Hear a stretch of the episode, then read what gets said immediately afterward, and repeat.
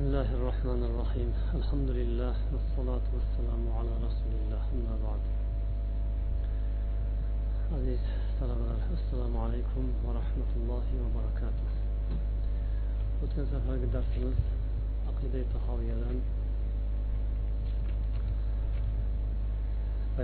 محمد صلى الله عليه وسلم قبل أشلنغان ماتن أطراف دبرغان يعني و إن محمدا عبده المصطفى ونبيه المجتبى ورسوله المرتضى degan matnni o'rganib boshlagan edik bunda payg'ambar sollallohu alayhi vasallamga vahiy kela boshlab islom iymonni yangi da'vat qilishga boshlagan paytlarida bu kishining ovozlari atrofga tarqalgani va rum hiraql rum imperatori hiraqlning huzurida makkadan borgan savdogarlar chaqirtirilib o'sha yerda abu sufyon boshchiligidagi savdogarlar guruhini hiraql so'roq savol qilgani va payg'ambar alayhissalom haqlarida ma'lumotlarni so'rab surishtirgani haqidagi hadisni imom buxoriy rivoyat qilgan hadisni yarmi bilan tanishgan edik. Shu hadisda hiraql payg'ambarimiz sollallohu alayhi vasallam haqlarida bir qancha savollar bergan va bu savollar bilan biz o'tgan safargi darsimizdan tanishmiz. Shu savollarga olingan javoblarga hiraql o'zining munosabatini endi bayon etadi. Aytadiki man sizlardan u muhammad haqida so'radimki uning ota bobolarini ichida podshohlari bo'lganmidi? Sizlar yo'q bo'lmagan deb javob berdilaringiz demak bu shuni ko'rsatadiki agar uning ajdodida podshohlar o'tgan bo'lsa edi bu hozirgi o'zini da'vati davosi bilan go'yoki otalari bobolarini podshohligini qo'msayatibdi. O'sha ajdodlarida bo'lgan podshohlik ilinjida mana shu da'vatni qilyatibdi deb aytsa bo'lar edi. Ammo undoq emas ekan. Ajdodlarida demak podshohlar yo'q. Keyingi savolim shundan iborat bo'luvdiki bu gapni so'zni undan oldin boshqa odamlar ham gapirganmidi? Undan oldin boshqa sizlar tanigan bilgan odamlarni ichlaridan payg'ambarlik davo qilganlari bo'lganmidi deb so'radim. Sizlar yo'q deb javob berdingizlar. Agar ha deganlaringizda ya'ni muhammaddan oldin kimlardir payg'ambarlik davo qilganda edi unda aytsa bo'lardiki ha demak bu ham odamlardan o'rganib olib eshitgan gapiga bu ham ergashib bu ham o'zicha payg'ambar bo'lgisi kelib qolibdi degan so'zni aytilsa bo'lardi. Yana savol bo'ldiki sizlar bu muhammadni biror marta yolg'on gapirganini eshitganmidinglar yolg'on gapirganini bilasizlarmi deb so'rasam sizlar yo'q deb javob berdingiz. Agar shundoq bo'ladigan bo'lsa ya'ni odamlarni ichida yolg'on gapirmagan odam odamlarni yolg'on bilan aldamagan odam u xudoning huzurida ham yolg'on gapirishi mumkin emas. Odamlar ichidaki odamlar huzuridaki yolg'on gapirishga odatlanmagan yolg'onga murojaat qilmagan bu xudo nomidan ham yolg'on gapirishi mumkin emas deb xulosa qildim deydi. Yana man sizlardan so'radimki muhammadga zaiflar ergashyaptimi yoki kuchli odamlar katta amaldorlar ergashyaptimi deb so'rasam sizlar unga zaiflar ergashyapti deb aytdingiz. Haqiqatan ham zaiflar notavonlar bechoralar bular payg'ambarlarning keyinidan ergashadigan birinchi bo'lib ergashadiganlar shular bo'ladi. Keyinroq boy badavlatlari ham boshqalar ham ergashishi mumkin lokin aksariyat holatlarda payg'ambarlarga birinchi ergashadiganlar bular zaiflar va kambag'allar bo'ladilar dedi. Yana sizlardan so'radimki buning tarafdorlari bunga ergashganlar ko'payyaptilarmi yoki kamaymoqdalarmi? Sizlar yo'q aksincha tobora ularning tarafdori ko'payib boryapti deb javob berdingiz. Bu shuni ko'rsatadiki iymon haqiqiy iymon demak to bir nuqtaga yetguncha faqat ko'payib boradi ziyoda bo'lib boradi. Bu ham muhammadni boshlagan yo'lini haq ekaniga hujjat dalil bo'ladigan narsalardandir. Yana sizlardan so'raganimda muhammadning yo'liga kirgan odamlardan birontasi bu yo'lni yomon ko'rib e bekor kirgan ekanman noto'g'ri yo'l ekan deb g'azablanib orqasiga qaytganlar bo'ldimi deb so'rasam sizlar yo'q deb javob berdingiz. Ha iymon shunaqa bo'ladi. Iymonning lazzati halovati iymonning go'zalligi qaysi bir qalbga agar kiradigan bo'lsa u qalb aslo g'azablanmaydi. Iymon islom ga nisbatan u qalbda g'azab paydo bo'lmaydi agar u haqiqiy iymon bo'ladigan bo'lsa. Yana sizlardan so'radimki o'rtalaringizda urushlar ham bo'lib turibdimi? Sizlar ha urushlar bo'lib turibdi. Goho biz goho u tomonga bo'ladi g'alaba. Ha. O'zi payg'ambarlarning sunnatlari payg'ambarlarga bo'ladigan muomala ham shundoq bo'ladi. Hamma payg'ambarlar ham tarixda sinalgan imtihonlarga duchor qilingan bo'ladi. Ammo oxir oqibat hamma sinovlardan eson omon o'tib unga taslim bo'lmasdan oxirida muvaffaqiyat bilan bu ishlarning nihoyasi payg'ambarlarning foydasiga bo'ladi. Hamma vaqt ham alloh taolo o'zining payg'ambarlarini va o'zini mo'min bandalarini sinaydi toki ular shukru sabrning savobini qo'lga kiritsinlar uchun. Ularga balo beradi ofat yuboradi. Ular sabr qiladilar matonat bardosh namunasini ko'rsatadilar. Buning uchun ajru mukofot oladilar. Ummatlarga ibrat namuna bo'lib dars bo'ladilar. Undan keyin esa ma'lum bir muddat o'tgandan keyin allohning nusrati yordami g'alabasi keladi. Unda esa ular yaxshilikka ne'matga shukur qilishning ibrat namunasini ko'rsatadilar dedi. Bu demak payg'ambarlarning belgilari alomatlaridandir.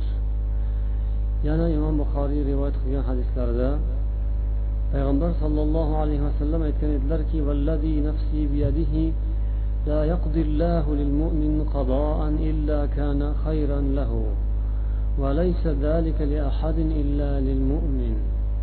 إن أصابته سراء شكر فكان خيرا له وإن أصابته ضراء صبر فكان خيرا له. يعني nafsim uning jonim uning qo'lida bo'lgan zot bilan uning nomiga qasam yod etib aytamanki alloh taolo mo'min musulmon bandasiga nimaiki taqdir qilgan qazo qilib unga hukm qilgan bo'lsa u mo'minning faqatgina foydasiga bo'ladi. Bunday faqat foyda bo'lish faqat mo'mingagina nasib bo'ladi xolos. Mo'min musulmon odamga agar yaxshilik xursandlik ne'mat yetadigan bo'lsa u albatta shukur qiladi buning evaziga unga yaxshilik nasib bo'ladi ya'ni ajr savob mukofot yoziladi. Agar mo'minga biron bir qiyinlik mashaqqat baloyu ofat yetsa buning uchun mo'min bandasi albatta sabr qiladi va buning evaziga yana unga yaxshilik nasib bo'ladi ya'ni ajr savob mukofot bo'ladi. Qur'oni karimda ham alloh taolo bu haqdagi oyatlarni ko'plab nozil etgan. Oxirida mo'min musulmonlar g'alabaga erishib allohning dushmanlari musulmonlarning dushmanlari kofirlar esa mag'lubiyatga mahkum ekanliklarini bir necha oyatlarda marhamat qilgan أعوذ بالله من الشيطان الرجيم بسم الله الرحمن الرحيم ولا تهنوا ولا تحزنوا وأنتم الأعلون إن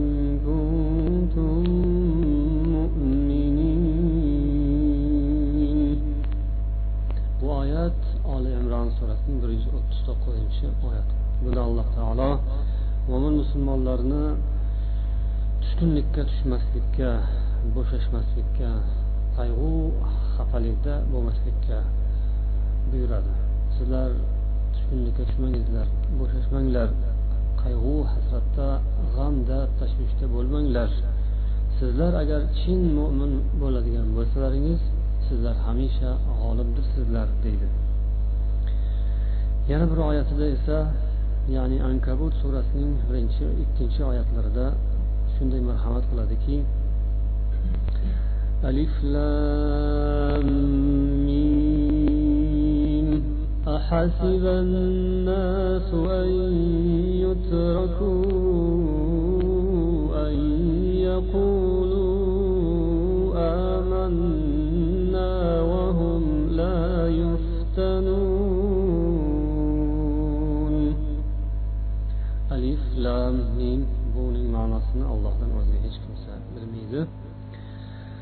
odamlar biz iymon keltirdik deb shu bilan kifoyalanib o'z hollariga tashlab qo'yiladilar deb o'ylaydilarmi?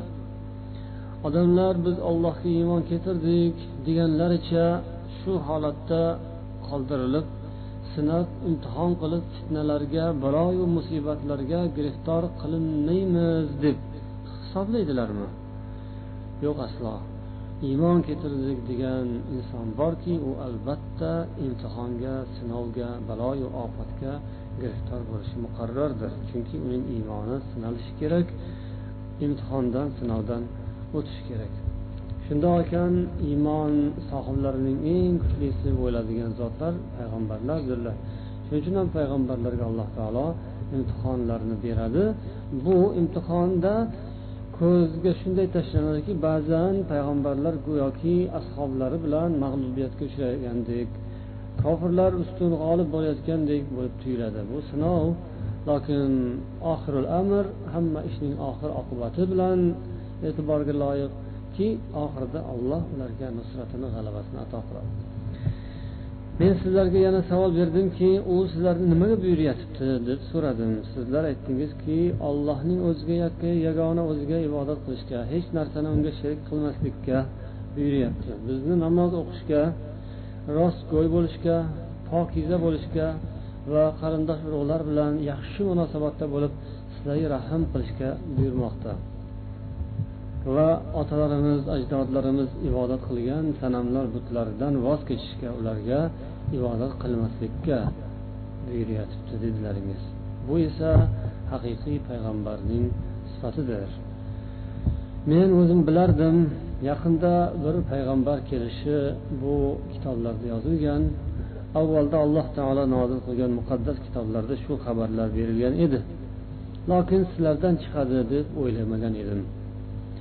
Qaniydi man agar bu ishlarimdan hozirdagi holatimdan podshohligimdan bu egallab turgan mansabu lavozimlarimdan bo'shasamu uning huzuriga yetsam uni ziyorat qilsam uni bir ko'rsam degan orzuim borku lokin man mulkim mamlakatim podshohligimni tashlab ketolmayman dedi. Agar sizlarni aytayotgan shu so'zlaringiz ya'ni manga uning haqida berayotgan xabarlaringiz rost bo'lsa to'g'ri bo'lsa unda yaqin kunlarda uning so'zi uning ishi uning boshlagan bu yo'li yaqinda mana shu meni ikki oyog'imning tagigacha yetib keladi. Mana shu qadamlarim bosib turgan yerlargacha uning so'zi yetib kelishi aniqdir dedi bu so'zlarni aytayotgan mahalda abu sufyon hali musulmon bo'lmagan kofir va mushrik hollarda edilar bu so'zlardan nihoyat darajada ular taajjubga tushdilar savdogarlar keyin qaytib chiqib ketayotganda abu sufyon o'zining sohiblariga qarab dediki لقد أمر أمر بن أبي كبشة إنه ليعظمه ملك بني الأصفر وما زلت موقنا بأن أمر النبي صلى الله عليه وسلم سيظهر حتى أدخل الله علي الإسلام وأنا كاره bu so'zlarni abu sufyon roziyallohu anhu musulmon bo'lganlaridan keyin oradan bir qancha vaqtlar o'tgandan so'ng eslagan edilar u kishi hiraqlni oldidan ashoblari bilan sheriklari bilan chiqar ekanlar. Sheriklarga qarab ey voy voy bu abu kafshani bolasini ishi jaz zo'rayib ketibdiyu qaranglar hmm, bu sariqlarni podshosi ham ya bunga berilib qolibdi ya buni ulug'lab yotibdiku degan ekanlar.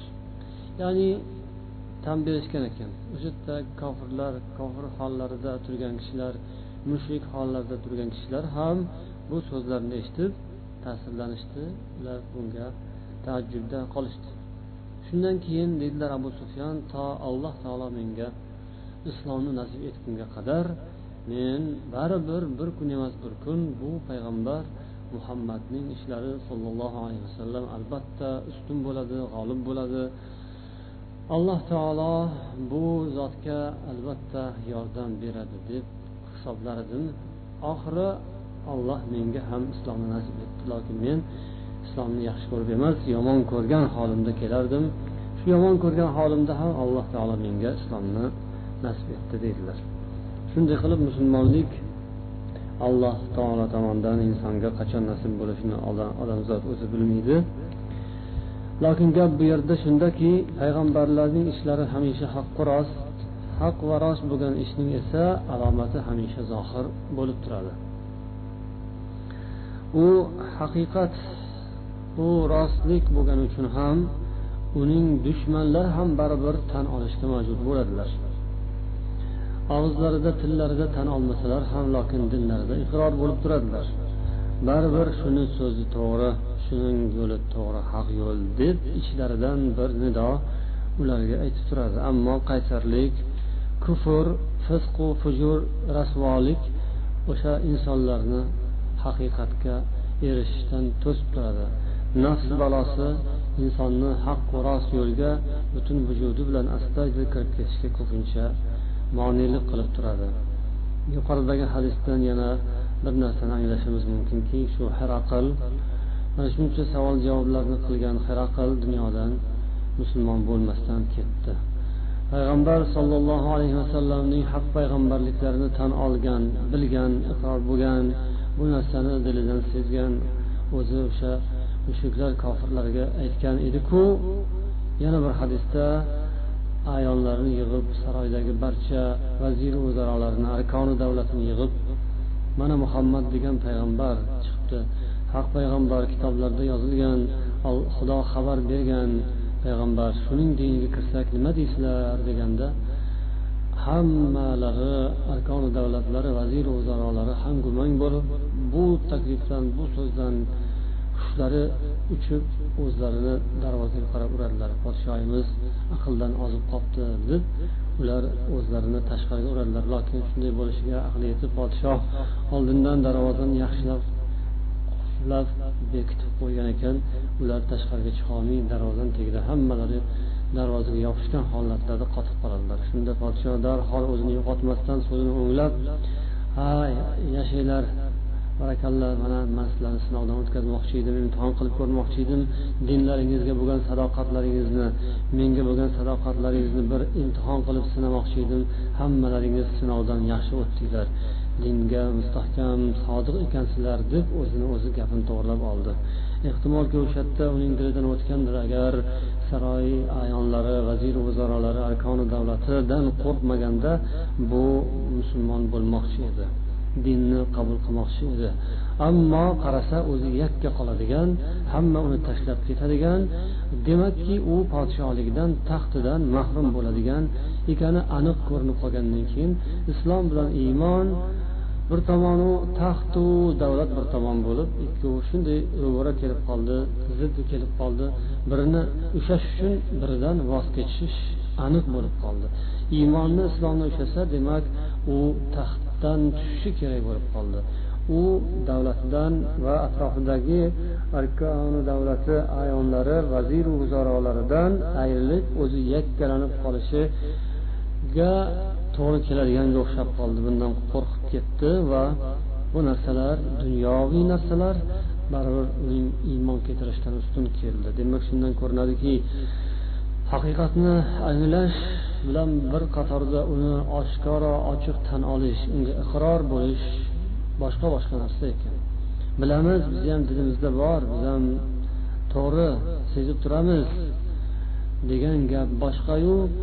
To'g'ri gap mana shuni qilish kerak shuni yurish kerak shunga yurish kerak deb astoydil mahkam bo'lib mustahkam bo'lib bu yo'lga mard bo'lib kirish bu boshqa narsa. Alloh taolo barchamizni iymon islom yo'lida bardavom bo'lishimizni umrimizning oxirigacha shu yo'lda bo'lishimizni nasib etishini so'raymiz. Shunday qilib bu darsimiz demak payg'ambarimiz sollallohu alayhi vasallamning haqqu rost payg'ambar ekanliklari haqida edi. Buni haqiqat payg'ambari ekanliklari barcha payg'ambarlarning ham alloh taolo tomonidan yuborilgan haq payg'ambarlar ekanliklariga dalillar hujjatlar ular keltiradigan mo'jizalardagina kifoyalangan chegaralangan emasligi haqida so'z ketyapti. Alloh taolo barcha payg'ambarlarga albatta mo'jizalar ato qilgan boshqa oddiy insonlarga bermagan sifatlarni fazilatlarni qudratlarni mo'jizalarni payg'ambarlarga alloh taolo ato qilgan. Ato qilishi bu aniq.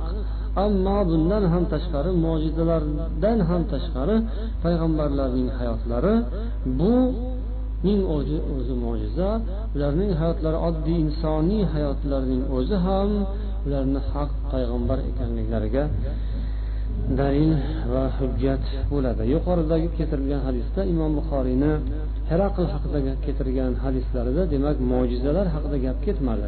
U yerda oddiy insoniy hayot tahlil qilindi.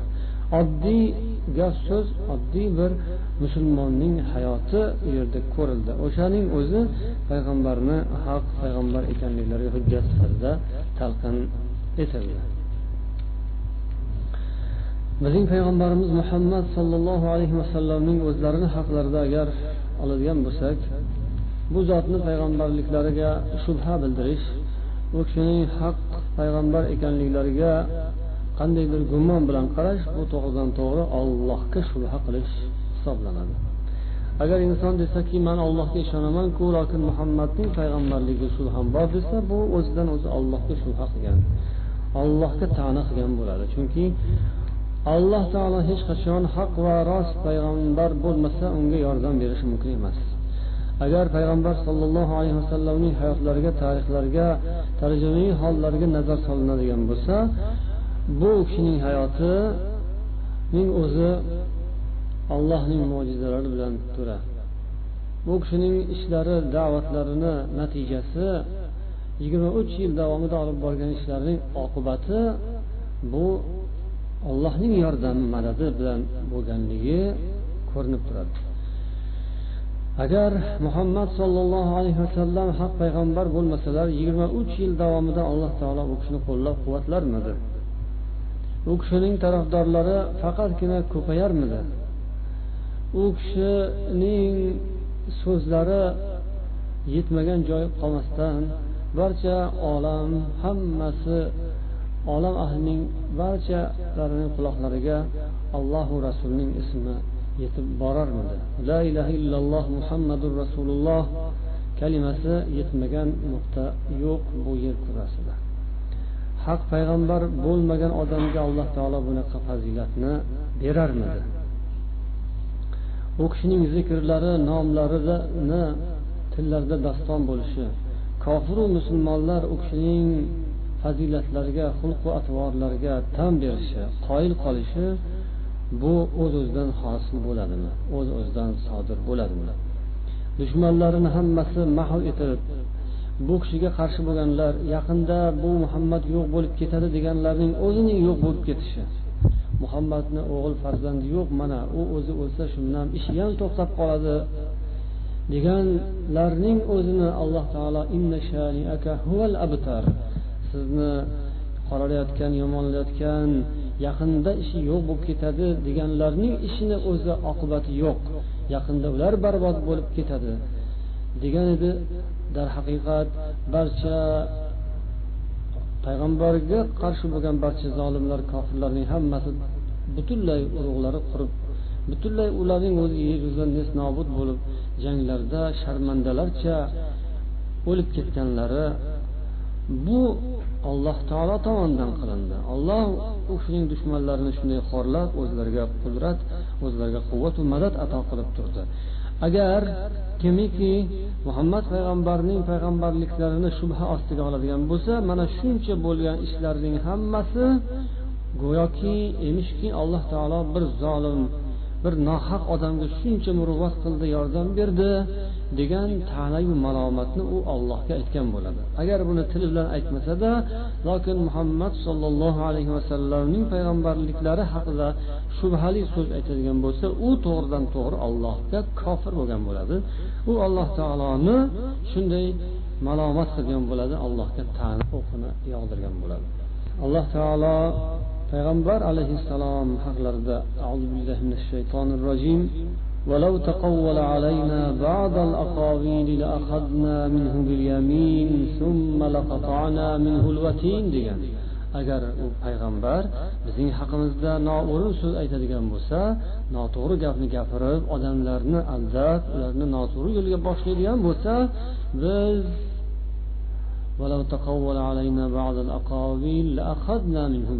uni qudratimiz bilan uni o'ng qo'limiz bilan uni halok qilamiz. Uni jon tomirini uzib tashlaymiz degan so'zlarni alloh taolo agar payg'ambar nohaq yo'ldan ketib bo'lsa uni albatta halok etardik degan so'zlarni aytishi ham demak payg'ambar hech qachon nohaq so'zni aytishi mumkin emas adashishi mumkin emas. Oddiy odam ulamolar boshqalar adashishi mumkindir. Ammo payg'ambar adashishi mumkin emas. Uning keynidan odamlar ergashadigan hamma ularga taqlid qiladigan faqat ulardan ibrat oladigan zotlar adashishlari mumkin emas. Ularga alloh taolo faqat yordam madad beradi. Ularning ishlari hech qachon orqaga ketmasdan faqatgina oldinga qarab bosadi. Ammo nohaq odamlar esa yolg'onchilarni ishi esa ma'lum bir muddat davom etishi mumkin. Ularning ham ishlari go'yoki juda kengayib juda ham bir atrofli atrofida taralib kengayganday bo'lsada ammo oxir oqibati hammasi faqat rasvolik bilan tugagan. Shunday bo'ladi. Bundan keyin ham tarixdagi qudratli davlatlar qudratli ta'limotlar o'zicha qudratli ta'limotlarning hammasi oxir oqibat fosh bo'lgan. Yolg'on ekanligi asossiz ekanligi asossiz da'volar aldoqchi firibgarlarning o'ylab topgan narsalar ekanligi ma'lum bo'lib qolavergan forslarning imperiyalari rumlarni imperiyalari vizantiya imperiyasi. Bundan keyingi bo'lgan ko'p ishlar. Buni oxir oqibat yaqindagina siz bilan biz ham ko'rgan sovet imperiyasi. Bu o'z davrida eng haqqu rost deb tuyulgan bo'lsada lokin alloh taolo atayin bunga ozgina muhlat berdiyu lokin oxirini xorlik va sharmandalik bilan tugatdi. Faqatgina haq yo'lgina ya'ni payg'ambarning ta'limotigina u abadiy davom etadigan hech qachon inqirozga yuz tutmaydigan hamisha allohning madadi yordamiga musharraf bo'lgan ta'limot bu payg'ambar ta'limoti xolos. Endi shu o'rinda payg'ambarlarni turlari ya'ni ikki xil nabiy va rasul deb nomlanadigan odamlar haqida suhbatlashamiz. Nabiy va rasul degan tushunchalarni ulamolar turli xil ta'riflar bilan atashgan bo'lsalarda lokin xulosasi eng bir chiroylisi tushunarlisi shundan iboratki nabiy bu naba so'zidan olingan naba xabar degani bu olloh unga xabar bergan kishi. Alloh taolo tomonidan maxsus xabar yetkazilgan vahiy yetkazilgan jabroil alayhissalom orqali vahiy xabar yetkazilgan kishi nabiy bo'ladi. Rasul esa elchi degani ya'ni shu yetkazilgan xabarni o'zidan boshqasiga yetkazib qo'yish ham tayinlangan odam bo'lsa u rasul bo'ladi. Ammo hamma xabar berilganlar ham bu xabarni o'zidan boshqaga yetkazishi ta'kidlangan emas. Demak tarixda faqatgina nabiy bo'lib o'tganlar bor yoki bo'lmasa yana buni boshqalarga yetkazish buyurilib rasul bo'lganlar bor. Rasul boshqa nabiy boshqa. Shunday qilib hamma nabiy rasul deyilavermaydi ammo hamma rasul nabiy deyiladi. Rasul bo'lishdan oldin albatta nabiy bo'ladi. Ya'ni xabar beriladi keyin bu xabarni boshqa odamlarga yetkazish buyuriladi. Masalan nabiylarga misol keltirib qur'oni karimda zikr etilgan hikoyalar zikr etilgan muso payg'ambar bilan birga e, hikoyalari zikr etilgan zotlardan hazrati hidir alayhissalom shunday nabiylardan deydilar. U kishi muso alayhissalomning payg'ambarliklari risolatlari elchiliklari davrida yashagan bo'lsalarda lekin o'zlariga alohida alloh taolo tomonidan xabar berilgan nabiy edilar. Olloh yer yuziga bandalariga payg'ambarlarni yuborishi uning buyuk ne'matidir. Qur'oni karimda marhamat aytadiki لقد من الله على المؤمنين إذ بعث فيهم رسولا من أنفسهم يتلو عليهم آياته ويزكيهم. يتلو عليهم آياته ويزكيهم. ويعلمهم الكتاب والحكمة وإن كانوا من قبل لفي ضلال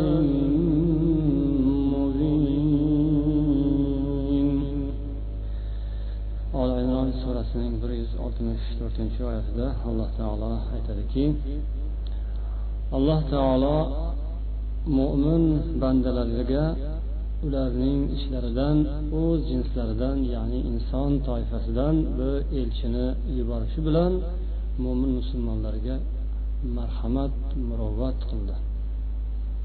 U payg'ambar elchi ularga mo'min musulmonlarga alloh taoloning oyatlarini tilovat qilib beradi va ularni shirku fisqu fujur kufrlardan poklaydi.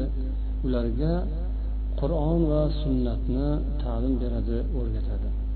Agarchandiki ular bundan oldin ochiqdan ochiq zalolatda adashib yurgan bo'lsalarda alloh uning marhamati ne'mati bilan mana shunday payg'ambar ularga nasib bo'lib ustoz muallim kelib ularni dunyovu oxirat baxtu saodatlarga sabab bo'ladigan yo'lni olloh ko'rsatdi marhamat qildi degan mazmunda bizga xabar beradi.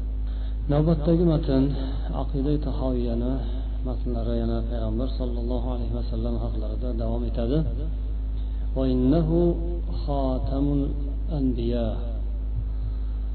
Va payg'ambar muhammad sollallohu alayhi vasallam payg'ambarlarning oxirgisi xatm qiluvchisidirlar qur'oni karimda ahzob surasida ham rasulullohi va nabiyin degan.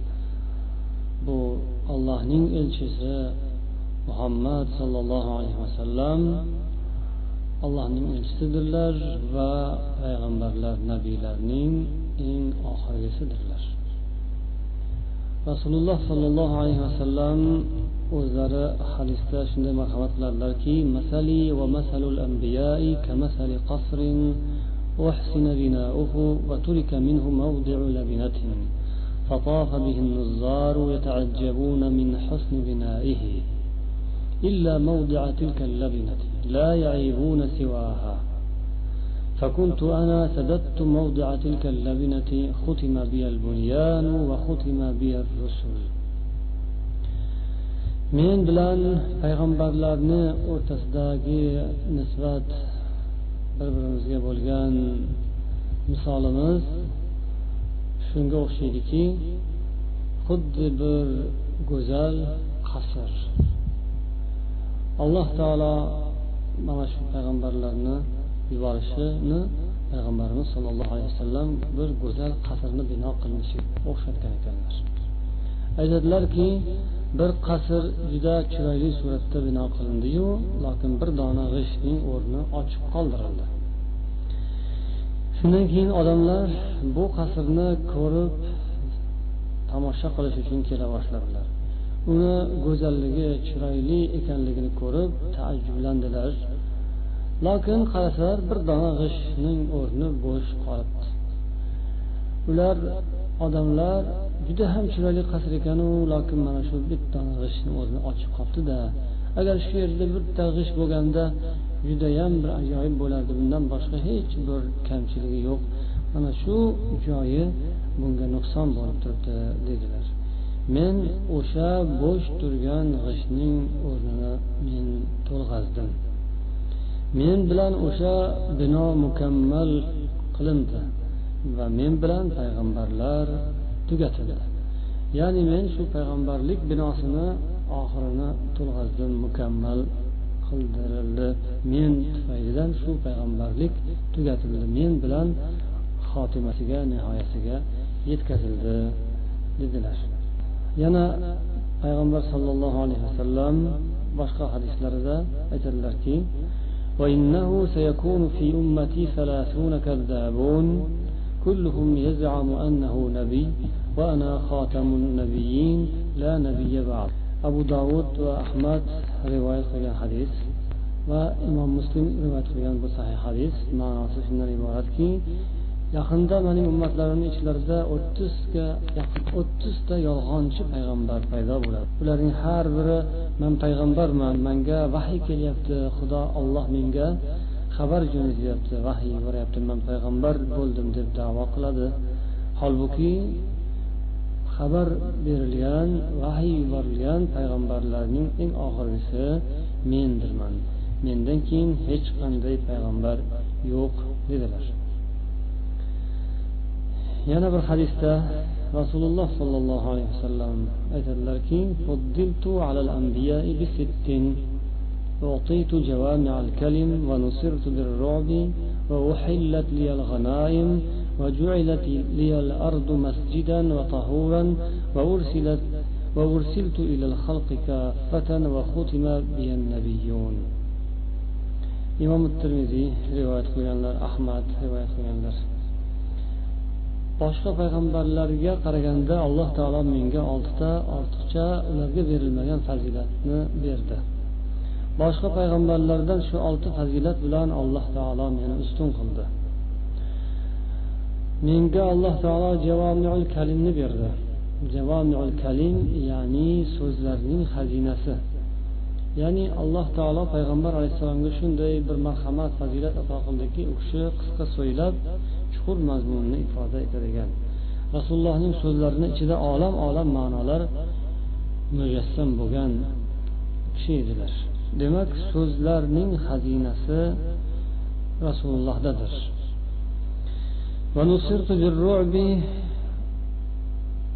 Uzoq masofadan turib bir oylik masofadagi podshohlar mendan qo'rqadigan mendan qo'rqadigan qilib qo'ydi alloh taolo. Shunday qo'rquv bilan bir oylik masofa naridan turib podshohlarni alloh taolo qo'rqitib qo'ydi. Shunday qo'rquv bilan payg'ambar alayhissalomga alloh nusrat berdi. Ularni qalbiga qo'rquv solish bilan payg'ambarga alloh yordam madad nusrat berdi. Ko'p ishlar ularni qo'rqoqliklari tufaylidan dushmanlarni qo'rquvlari qalblariga olloh solgan dahshat tufaylidan musulmonlarga g'alaba musulmonlarga nusrat nasib bo'ldi. Menga g'animatlar halol qilindi. Ya'ni ilgarigi payg'ambarlar zamonlarida urush jangda jihodda qo'lga kiritilgan o'ljalar mushriklar kofirlarning narsasi. U ham iflos narsa deb o't qo'yib yuborilar edi buni ishlatilmas edi. Lokin musulmonlarga payg'ambarimizga qo'lga kiritilgan o'ljalar hammasi ishlatish ruxsat etildi joiz bo'ldi halol qilindi. Menga yer yuzining hammasi masjid va tahur qilib berildi. Avvalgi payg'ambarlar zamonlarida faqat ibodatlarini maxsus ibodatxonalardagina bajo qiladilar ammo musulmonlarga yer yuzining hammasi masjid. Maxsus xos masjidda o'qolmasalar masjidga yetolmasalar safarda bo'lsalar yoki boshqa sabablar bilan masjidga kirolmasalar ham uylaridami ko'chadami boshqa joydami yo'ldami cho'ldami qayerda bo'lsa ibodat vaqti bo'lganda darhol ibodatlarini bajo qilib olish marhamati allohdan nasib bo'ldi. Tahur pokiza. Qilib berildi. Suv bo'lmaganda demak tuproq bilan tayammum qilish yerga tayammum qilish bu musulmonlarga nasib bo'ldi. Va men barcha haloyiqqa koffatan ommatan payg'ambar qilib yuborildim. Insonlaru jinlarga barobar elchi payg'ambar qilib yuborildim. Va oltinchisi payg'ambarlik men bilan tugatildi dedilar. سبحانك اللهم وبحمدك أشهد أن لا إله إلا أنت أستغفرك